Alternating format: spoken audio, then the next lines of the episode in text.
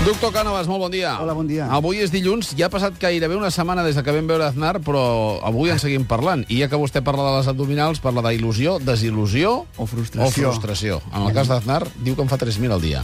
Doncs eh, ell ho sabrà, però... És una il·lusió? Sí, il·lusió. Molta il·lusió.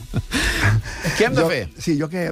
Ja que la, que la greix es concentra a zones es- específiques del cos, molta gent pensa que és possible eliminar, eliminar el greix treballant en aquestes zones. Sí. Sí, mira, senyor Fuentes, si això fos veritat, jo m'esseguiré a xiclet per treure'm el greix de les galtes. M'entén? Sí que no. Però sí que no. funciona Així, ni molt menys, eh?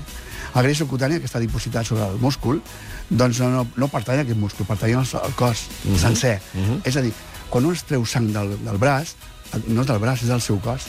No és el braç esquerre, el braç dret. Eh?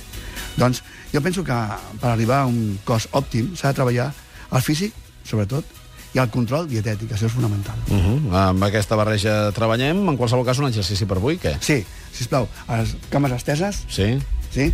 taló contra taló, molt bé. això treballarà a la part interna de les cuixes. Sí. Vinga, ara fem pressió, taló contra taló, fort, fort, sí, fort, sí, fort. sí, sí. Es nota ara, eh? I tant. Sí. Va, ja, suficient, suficient. Avui un 10 tots, eh? Molt bé. Què, 10 repeticions? No, amb 8 seràs més que suficient. Doctor Cànovas, moltes gràcies. A vostès, gràcies. Bon dia.